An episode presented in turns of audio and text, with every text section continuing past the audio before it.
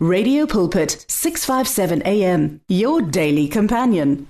Ngiyabingelela emakhaya egameni lomfelo wethu Jesu Kristu sizothola izwi lethu namhlanje encwadini kaExodus chapter 1 verse 16 to 17 igama lami nguNthapseng Shabalala.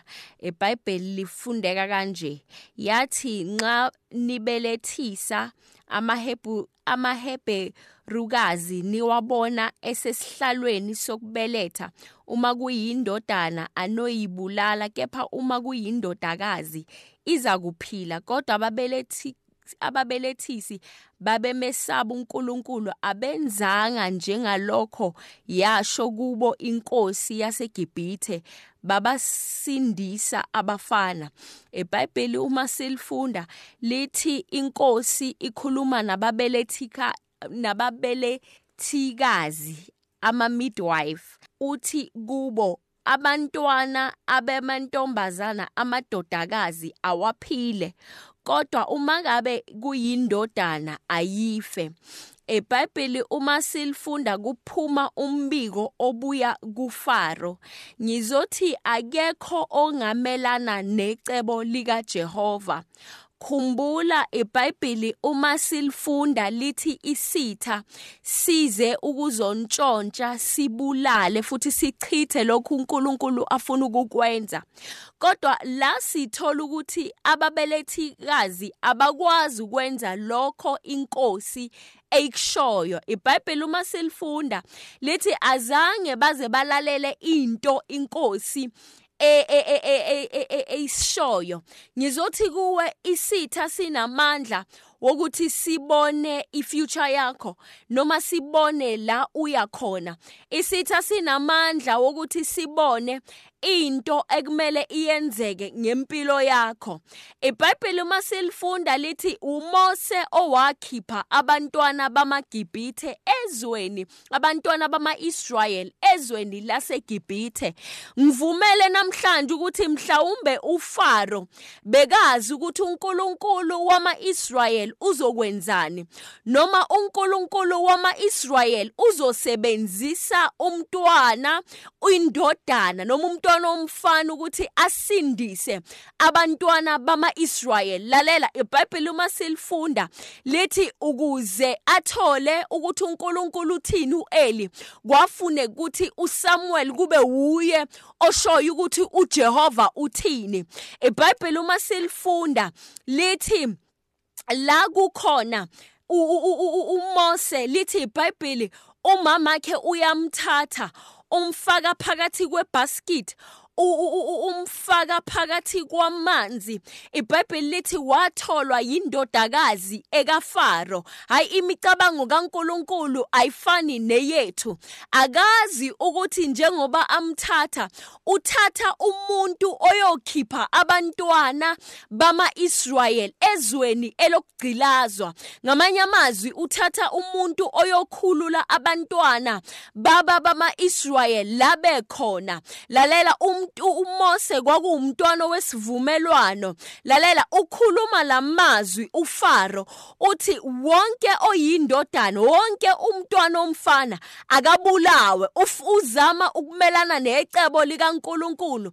Lalela iBhayibheli masilifunda lithi uFaro naye bekanabo abaprofeti bakhe. uFaro naye bekanabo abazomtshela ukuthi kuzokwenzakalani.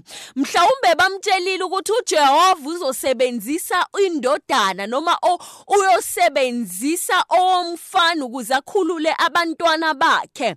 Ngizosho namhlanje ukuthi nanoma isimo singaba njani. Ngizosho namhlanje ukuthi nanoma isitha singazama ukumelana necebo likaNkuluNkulu aliyi kwephumelela lithi iBhayibheli asikho isikhali esibekelwa abantwana bakhe esiyokuphumelela. uJehova usebenzisa umntwana womHebru ukuze asindise um, abaIsrael lalela amaHebheru awafuneki ukuthi azale. Abantwana babafana lithi iBhayibheli uyabuza uyababiza inkosi ukuthi nibayeka kanjani ukuthi baphile? Angiyazi yini le inkosi eyayiyenza ngabanye abantwana babafana ababaHebheru iBhayibheli alichazanga kodwa lichaza inkosi. Njengomuntu oyewayenza abantwana bamaIsrael bagqilazeka ngizosho namhlanje ukuthi nanoma isimo singavu singa uyayenza sengazathi uyagqilazeka. Kodwa iBhayibheli uma ngilifunda lithi the more they oppress you it is the more you multiply. Ngiyakhuleka namhlanje ukuthi sabalala kuleso simo. Lithi iBhayibheli kepha ngokubahlupha kwazo kwaba yikhona banda.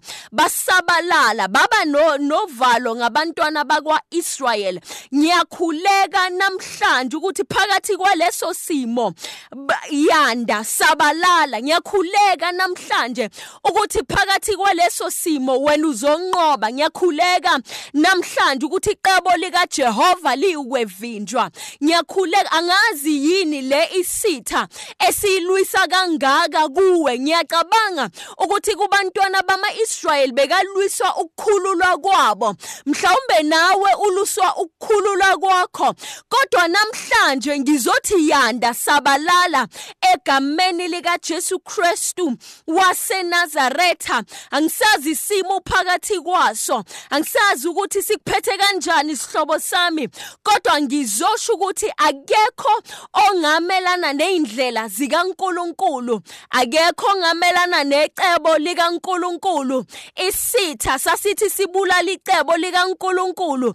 Icebo lokuthi abaside. Icebo elokuthi bayoqhuba bayophuma uma ezweni elokugqilazwa kahle kahle lenkosi beyifuna ukuthi bahlale ezweni elokugqilazwa. Kodwa uNkulunkulu uthi kunecebo enginalo for abantwana bami ukuthi baphume ezweni lokugqilazwa baye ezweni elesithembiso. Ngizosho namhlanje ukuthi wena wuza ukuhlala ezweni elokugqilazwa kodwa wena uyohlala futhi uyongena ezweni elesithembiso. Ngizothi kuwe namhlanje phakathi kwaleso simo. Yanda futhi usabalale. Egameni elinamandla lika Jesu Kristu waseNazaretha. Amen. The words of the Lord are words of life. Your heart is on 657 AM 657 AM radio for believers in action